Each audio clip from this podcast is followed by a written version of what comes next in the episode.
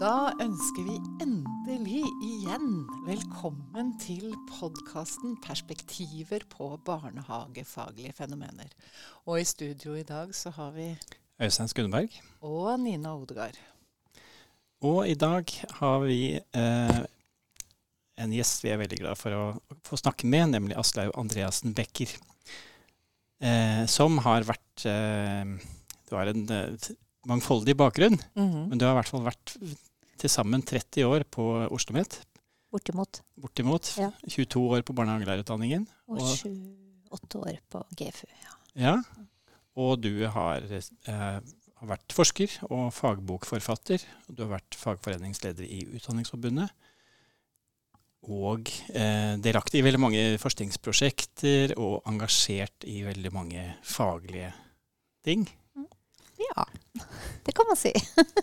Så, så hvor skal vi begynne? Eh, men det, det, det du bl.a. har skrevet om, og som vi tenkte vi kunne begynne med å snakke om, var det her med, med eh, mangfold. Som eh, i hvert fall én av dine eh, bøker handler om. Det der med kulturelt mangfold i barnehage og skole har du jobba mye med. Mm. Har, har liksom oppfatningen eller bildet av hva mangfold betyr, endra seg over de årene du har jobba med det temaet? Ja, det er på en måte så kan man svare både ja og nei. Eh, Jeg har jobbet med det temaet i utrolig mange år, altså. Helt fra jeg studerte på Blindern, på mellomfag på Blindern, eh, og skrev en eh, mellomfagsoppgave om fremmedspråklige elever i skolen. Og det var da i eh, 1970 1980 omtrent. 1980-81 var det mellomfaget i sosialpedagogikk, da. Eh, og det er klart at da var det jo et veldig lite tilfang av idé, teori, på Mm. hvordan man skulle forstå det som var mye av forskninga som man bygde på den gangen, var eh, ut fra jøders erfaringer. Altså hvordan det hadde vært å være jøde i USA, hva jøder hadde opplevd i Europa i, før krigen. og eh, men, men nok om det. For å gå til Men altså, jeg har jobbet med det i veldig mange år, da. Og når jeg kom til barnehagelærerutdanninga og fikk jobbe med Ann Merete Otterstad blant annet, og ikke minst Åse Teffere, da, som tok eh, meg inn i det som vi kalte for migrasjonspedagogikk, som hadde egne fordypninger. um, så lærte jeg jo masse nytt, og leste meg opp på mange mulige måter. Sånn at det, den, det teoretiske, altså forskningsmessige tilfanget, er jo forandra seg veldig mye på disse blir det 30 eller 40 åra. Men det er på en måte sånn at eh, for de som man da er opptatt av, da, som, eh, som jeg kaller uh, grupper som uh, er i fare for å bli marginalisert, som uh, vi kalte for fremmedspråklige elever på 70-tallet og 80-tallet, eh, og nå kalle for eh, barn med minoritetsbakgrunn eller barn med tospråklig bakgrunn, eller eh, som tilhører det store mangfoldssekken, som jo også handler om så veldig mange andre ting. Eh, deres erfaringer, det tror jeg er Det kan være veldig likt det som det, det har vært på en måte i alle åra. Og det er, det er eh, større muligheter for å bli utestengt, forskjellsbehandla eh, og sett på som annerledes.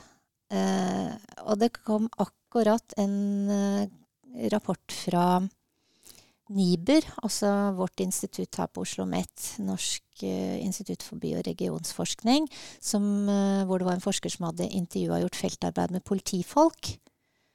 Eh, som da kunne fortelle om måter de føler seg forskjellsbehandla på, veldig subtilt. Ikke sant? Det er ikke sånn at man kan sette fingeren på og si at dette er på en måte rasistisk eller diskriminerende, men det er sånn subtil hvilke spørsmål du får, hvilke forventninger de har til at de skal oppleve ting annerledes. Altså Ja. Så um, det ligna egentlig veldig mye på det Ann Merete Otterstad og jeg fant ut når vi studerte um, og gjorde feltarbeid blant minoritetsstudenter, som vi kalte dem da, her på, på Oslo OsloMet på 90-tallet. Uh, og det var det å ikke bli tatt med i, tatt med i grupper, om man lager grupper. At uh, man snur ryggen til, at man ikke har øyekontakt i diskusjonene i gruppen. Og vi skrev en artikkel som het 'Snakk med oss'. Uh, som jeg egentlig har tatt opp igjen litt nå. Uh, fordi jeg har Altså, er, ja, datteren min går på barnehagelærerutdanninga, og vi ser jo Altså, det er, det er veldig aktuelt, da. Uh, fortsatt. Så så ja, det har endra seg. Altså teori og forskning er Og, og, og ikke minst altså Samfunnet er mer opplyst og informert om problemstillingene. Eh, og det er veldig bra. Og det er bakt inn i føringer for eh, føringer for eh, hvordan man skal drive virksomheter osv. At man ikke skal diskriminere. Og vi har liksom formelle ting på plass. Uh, det kan hende at slike ting kan være en sovepute. Uh, men jeg vil gjerne tro på at det har betydning. At at det er noen, noen, retningslinjer og noen føringer som er på en måte, for å si det sånn, politisk korrekte, da. Um, og det, det, må vi ikke kimse av. Det er faktisk viktig for å lage verdier eh, i samfunnet vårt, da.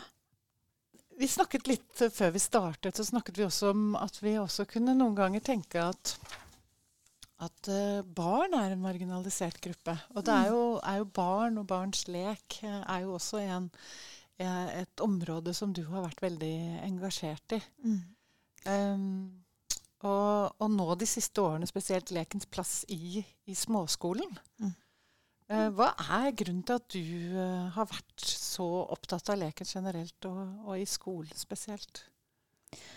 Um, ja, det var jo det at jeg Jeg begynte vel å bli veldig sterkt eh, interessert og opptatt av barns lek når jeg i den perioden jeg jobba på barnehagelærerutdanninga og rett og slett skulle undervise i lek, og hadde et lite barn selv. Og jeg hadde jo ikke lagt merke til, egentlig, eh, betydningen av hvordan barn lekte. Eh, det var helt Og det var virkelig en sånn oppdagelse, da. Um, å se barns uttrykk um, via lek, og forstå at dette her er jo det viktigste i verden som små barn driver med. Uh, men jeg jobba jo da som sagt i veldig mange år med hovedfokus på mangfold. Det var liksom mitt forskningsområde. Um, helt til uh, Randi Evenstad fikk meg med på et prosjekt om rom. Uh, og da begynte vi å jobbe med utforming av rom i forhold til de pedagogiske mulighetene barn kunne ha i ulike rom. Og se på hvilke rom som ga mulighet for utfoldelse, lek, medvirkning.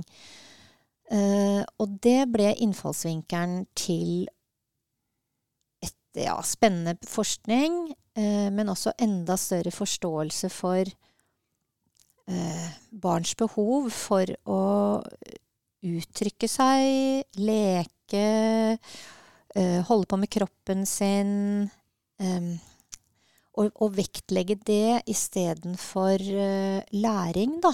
Uh, og målsettinger om fag osv. Og, så også når jeg da gikk over fra barnehage til skole, så hadde jo jeg med meg en lærerutdanning fra gammelt av. fra 79. Uh, ehm, så jeg var jo egentlig skolelærer. Uh, og jeg, men jeg hadde da jobba, uh, hadde jobba i skolen i første klasse um, et år eh, for å se hvordan hvordan er det da egentlig i en skole som har veldig mye mangfold?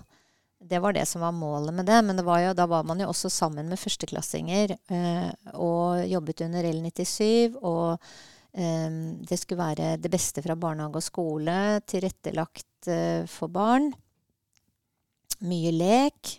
Ikke lov å lære barna å lese og skrive og regne i første klasse da. Um, vi jobba selvfølgelig med begreper og orda likevel. Um, og så kom jeg over i uh, grunnskolelærerutdanninga i 2015 og skal ut i praksis uh, med studenter i første klasse. Og da er det noen år siden jeg har jobba i første klasse. Men, men da får jeg helt sjokk. For da er jo rommene førsteklasse, fem-seksåringenes rom, det kan jo lignes med eh, et klasserom på videregående skole eller et eh, klasserom på ungdomsskolen. Eh, det er ingenting som preger det rommet som tyder på at her bor det fem-seksåringer. Så jeg forstår at det har foregått en veldig stor endring, da. Fra da jeg jobbet der sammen med min kollega fra barnehagelærerutdanninga i 2000 eh, og til 2015-16. Og da i den mellomperioden der så har jo LK06, som vi sier, altså Kunnskapsløftet av 2006, blitt gjennomført. Og så har jo PISA-undersøkelsene begynte jo rundt 2003, og det har vært masse diskusjoner om at barn må lære mer fra tidlig, tidlig innsats så tidlig som mulig. Og, og, i første klasse så er det jo da snakk om å lære flere bokstaver i uka enn bare én, som det har vært, osv. Så, så det er eh, helt tydelig at eh, det er de faglige ferdighetene i lesing, skriving og regning som har fått kraftig forrang i forhold til det barneperspektivet som skulle følge fem-seksåringene over fra barnehage til skole.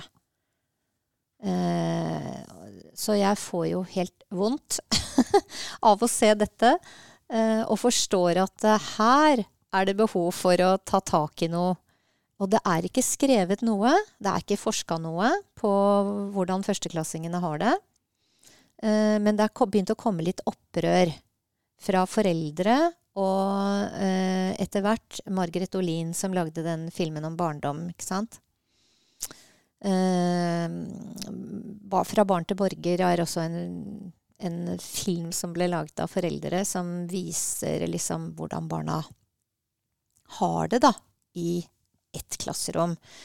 Eh, og det ligna jo veldig Fra barn til borger ligna veldig på det jeg generelt kan si at jeg erfarte gjennom studentene mine, som jo da var ganske mange studenter som var ute i første klasse og skrev praksisrapporter osv. Men det jeg fikk gjort, da var å være rundt og ta en del bilder av de klasserommene, og så diskutere hvilken betydning rommet har Altså hvilke muligheter har barnet for å være barn uh, i, det, i, disse rommene? Um, og Inger Marie Vingdal vi, vi, altså vi fikk uh, artikler inn i en antologi da, som uh, het um, Begynneropplæringen, Den viktige begynneropplæringen, redigert av um, Eva Michaelsen og Kirsten Palm. Uh, og der var det mange tverrfaglige. Fikk med mange som skrev ut fra sitt fag inn mot småskolen. Og da var det ikke gjort noen ting på det feltet siden Bente Vatne og var i et prosjekt med Peder Haug i to, tidlig 2000-tall. Og skrev om leik da. Eh, en undersøkelse på Vestlandet, men det var ikke gjort noen større undersøkelser i landet vårt. Og ingen hadde på en måte interessert seg noe særlig for barnas uh, trivsel. Hvordan har egentlig førsteklassingene, altså fem-seksåringene i skolen, hvordan er overgangen?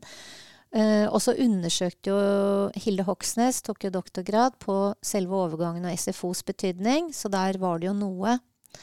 Men det var veldig velkomment, da, tenker jeg. Det hadde betydning å, å gjøre dette arbeidet i den begynneropplæringen, den viktige begynneropplæringen. Og jeg vet at den artikkelen om det fysiske miljøet har eh, lukket opp øynene på, på, mange, at den brukes eh, mye i, i, pensum rundt omkring i landet. For, fordi den er, den er, sikkert enkel, men den er også veldig sånn illustrerende. Det slår deg i, i blikket, liksom, hvor, hvor gærent dette er. å innrede klasserom for fem-seksåringer som om det like gjerne er en videregående skoleklasserom, altså. Men uh, man må jo ha litt teori på å tenke hvorfor er dette viktig?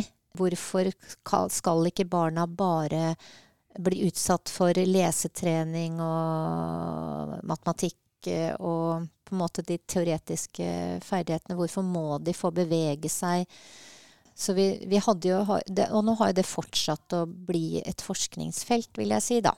Det er jo ikke så lenge siden du også skrev en artikkel sammen med Annbjørg Håøy om eh, oppfatningen, eller hvordan både foreldre og lærere og barn oppfatter lek i mm. skolen. Mm. Ja. Den heter 'Oppfatning om lek i første klasse'. En case-studie der barn, foreldre og lærere er involvert. da. Jo, eh, et hovedfunn er at det foregår veldig lite lek knyttet til undervisning. Og det er da en case-studie som er gjort i Den er publisert nå i 22. eh, altså for noen måneder siden, altså i fjor, da. Men empirien er henta i 2018. Derfor så må jeg nå ta forbehold om at eh, jeg håper at, um, at uh, situasjonen er endra noe. Og Klasspraks-prosjektet kan tyde på at det er det. At det har skjedd noe de siste to åra nærmest, altså etter uh, den nye læreplanen LK20, da. Men det er lite, usedvanlig lite lek knyttet til undervisningen. Sånn at resultatene vi kommer fram til, da, det er at det ikke er særlig oppløftende når det gjelder lekens posisjon. Og vi ser at barn lengter veldig etter at timen skal ta slutt, sånn at de kan løpe ut og bevege seg. Og vi ser også at de, når de skal flytte seg fra den ene sitteplassen i rommet til den andre sitteplassen, så er det flere av guttene særlig da som legger seg på gulvet og legger, legger seg nå, nå, legger de seg i stjerne igjen, sier, sier, lærerne da. Så dette er helt noe som mange lærere i Oslo-skolen har vært kjent med. At uh, barna skynder seg å legge seg i stjerne. Da legger de seg rett ut med armer og bein på gulvet. Og så, så krabber de seg liksom bort til den plassen hvor de skal sitte. Og det er jo så opplagt at de kroppene trenger på en måte bevegelse i, i, i denne lille forflytningen, da. Denne bitte lille bevegelsen som de får lov til når de skal gå fra den ene plassen til den andre.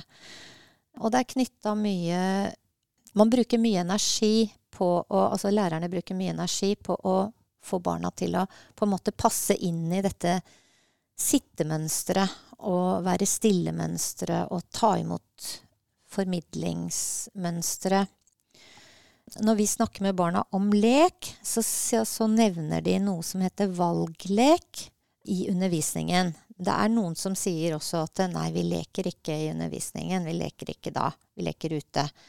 Men eh, når vi borer litt i det, så snakker de om valglek. Og, og det er noe de får gjøre, fant vi ut, ca. 15-20 minutter i, i løpet av en uke. For da er det stasjoner. Og da er det litt Lego og en dinosaur og en liten ridder. Eh, og så er det Kapla på én av de stasjonene. Og da, i løpet av de to timene som denne stasjonsundervisningen foregår, så er gruppene innom ca. sånn 15-20 minutter. Og det snakker de om som Da er de lykkelige. Da får de leke valglek. Og, da, og foreldrene forteller også om det, da. Hvor viktig den leken som de gjør på stasjonene, er. Og det er altså veldig, veldig lite tid i løpet av en uke. Men er det sånn at lærerne anerkjenner at lek var, er viktig og verdifullt, men at det hører hjemme i friminuttet, eller at det Du sa at det, det var lite lek knytta til undervisningen. Så, mm. så skillet mellom undervisning og lek er litt sånn eh, skarpt. Altså i oppfatningen av hva leken kan liksom Altså, lærerne snakker om lek som uh, veldig viktig. De anerkjenner lek i ulike former for lek. Både den leken som barna uh, driver selv, som vi i barnehagesammenheng ofte har kalt for frilek, men som man sikkert kan kalle for barnedrevet lek. Jeg tror det er det Maria Øksnes kaller den for. Og de sier at det er viktig å bevare leken fra barnehagen. Og så sier de prøver å gjøre det lekete. Uh, og det dreier seg om undervisningen i fag. Små kon konkurranser ute, ha litt spill. Ha aktiviteter der de kanskje løper rundt og skal telle noe som uh, de får, et, de får, noe de skal telle kongler, eller skal de finne tre, eller, eller et eller annet sånt. Og så er det nok forskjell på også her, i dette lille Vi hadde bare fire lærere, ikke sant. Det er en liten case. Det er forskjell på hva, hvordan de også gjør sine, med sin klasse og med, eh, med, sine elever. For det er veldig kompetanseavhengig og litt sånn personavhengig om man tør å innta en lekete holdning, eller sånn at det kan bli litt kaos, nemlig. Det, det er nok lett å forstå at når det er 25-6-åringer i et klasserom, så er lærerne redd for å, å, slippe opp det. Men det der avhenger av hvor trygg du er, om du prøv, har prøvd ut noe på forhånd, om du liksom tør å ta det skrittet. Og så mener jeg jo at den utdanninga og videreutdanninga vi har hatt til lærerspesialist, gir, gir veldig god kompetanse i å tørre å leke mer, da. Men altså, lærerne er positive til lek. Og de, og de snakker om ulike typer leker som er viktige for barna. Det som kommer fram, er at de føler seg pressa av um, at barna skal kartlegges. Og det kommer etter påske. Eh, så skal de kartlegges nasjonale prøver. Og det er også veldig intens oppfølging fra ledelsen på skolen i forhold til allerede etter en uke, 14 dager. Hvordan har dere kommet i gang? Er det noen som kan noen bokstaver? Hvor mange kan den og den og den? Gå gjennom lista. Eh, klarer eh, hun eller han å sitte rolig? Beveger seg? Hva, vi må, ringe, må, vi ringe hjem? Altså, dette begynner etter 14 dager med tett oppfølging. Så lærerne er i et type De er i et uh, læreplanregime, da. Med selv om målsettingene for fagene kommer etter annen klasse i læreplanen, så kommer kartleggingene mye før. Og oppfølgingen fra ledelsen på at vi, vår skole skal ikke være en svak skole med hensyn til grunnleggende ferdigheter. Um, politikere har jo vært kjempeopptatt av det. Altså Oslo-skolen har vel vært veldig, veldig opptatt av det. Og særlig skoler på østkanten føler, seg nok, føler at de må i hvert fall være gode nok. Og det har vel vært også mer sånn De, de har styrt med at man skulle ha stasjonsundervisning med lesestasjon osv. på skoler hvor det var eh, barn med flerspråklig bakgrunn. Da. Så jeg tror Altså det som jeg, For å snakke litt utenom denne artikkelen, da. For det som er, er erfaringen med, med, studentene våre som, altså, som, er lærere, som kommer inn og får kompetanse i, i lek. Du skal stå trygt i at uh, barna skal ha variasjon. De trenger variasjon. Når de begynner å gjøre ting i, i sine klasserom De lærer jo like mye det er ikke noe det er, det er, bare at de har det kjempemye mer morsomt. De, barna trives. Eh, noen barn kommer og takker eh, lærerne sine for at Får vi lov å leke, og så har vi norsk? Altså, det er så mange rørende fortellinger når disse lærerne begynner å sette i gang andre typer Løser opp og, og setter i gang på andre måter har også en veldig fin Det var veldig fint oppslag i Utdanning, bladet Utdanning og Utdanningsnytt Eh, forrige nummer med Lillian. Jeg husker ikke etternavnet hennes, men Lillian og Anne Gro, hennes kollega på Fåvang skole, som eh, er da Hun er jo tidlig, hun er student hos meg, da, har vært det, på begynneropplæring. Og som um, lot SFO være klasserom istedenfor og, og tok ut pulter og stoler, benker og bord, et telt. Ja, de har gjort mange ting. Dere, det er virkelig verdt å lese den eh, hyggelige reportasjen om hvor fint det kan hvor, hvor, store muligheter det er for å løse opp, da. Og, ja. For det slo meg liksom Hvorfor tenker man at ikke rommene nettopp kan ha en så mye større betydning i forhold til hvordan barn trives, og hvordan barn lærer. Mm. Eh, og, og vi ser det jo i barnehagene også, når jeg er ute og besøker studenter i praksis. Så ser jeg dessverre oftere rom som er ganske golde, som ikke har så mye som trekker på barns oppmerksomhet. Som ikke gjør at barn får lyst til å leke, eller eh, tingene er ofte plassert bort, eller de er oppi hyller, eller bak skapdører. De må gå via voksne for å få tak i en, en del ting. Så, så, det er ikke det er jo ikke bare noe som hører hjemme, eller som bare du kan beskrive fra skolen, men det er også noe som har skjedd mer i barnehagen. Og, og det er jo in interessant å, å undersøke. Det kom jo en stor evalueringsrapport om seksårsreformen. Og dette vi snakker om nå, det kan jo absolutt knyttes til dette, da. 25 eh, år etter at den ble innført, eh, og seksåringene ble en del av skolen.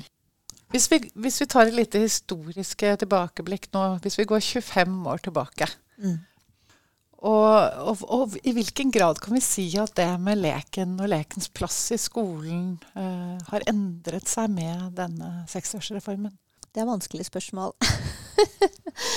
Men uh, altså Intensjonene med seksårsreformen altså Nå var det jo veldig mye debatt før det faktisk skjedde en reform. Men så kom kritikken veldig fort. Uh, det, og, og, dessuten så var ikke skolen helt klar for disse fem-seksåringene. Men altså, kritikken kom, og, og, det dreide seg jo både fra foreldrehold og fra de restaurative kreftene, da. At det måtte være mer læring og mindre lek. Og at barna bare løp rundt og lærte ingenting. Eh, og at eh, førskolelærerne, barnehagelærerne, ble eh, litt uglesett. Og, det førte vel også til at en del barnehagelærere ble veldig opptatt av å tilpasse seg den skolediskursen. At de skulle ikke være dårligere enn Altså, de skulle, de skulle være skole, skolete, for å si det sånn. Og så kommer tidlige PISA-undersøkelser på toppen av det, som jo egentlig ikke måler det som læreplanen hadde nedfelt, men som måler noe som OECD syns er viktig at man skal kunne ha basiskunnskaper i, i skolen. Da. For L97 var jo en, en, prosjekt Altså den læreplanen eh, var jo pro, veldig prosjektorganisert og hadde, var ikke mål, målstyrt eller målorientert. Det sto mye om arbeidsformer som man skulle ta i bruk i skolen. Så, men, men uh, det var det ene som skjedde. Og så var det det at uh, man tok vekk den, en lovbestemmelse i 2003 som uh, påla skolene å ha et Altså jeg tror det var 20 eller maks 24 elever i første klasse. og det skulle være to voksne når, når det var Ja, det skulle være to voksne, en barnehage og og en, og en skolelærer. Eh, men i hvert fall det at man opphevde klassestørrelsen. At det var ikke noen maksgrense lenger. Eh, eh, det var jo 30 som var maksgrensen for alle skoleklasser, og det ble opphevd sånn at man, skolen kunne velge selv hvor mange elever det kunne være. Og det gjaldt jo også da første klasse. Så da ble jo plutselig en del lærere alene med ganske mange barn i første klasse det kan jeg forstå. At det er veldig vanskelig da å videreføre varierte arbeidsformer. Lek. Organiseringen blir kjempevanskelig. Eh, og så fikk du jo forskning som påpekte at eh, altså, forskningen var jo bare innstilt mot læring og læringsutbytter eh, etter hvert.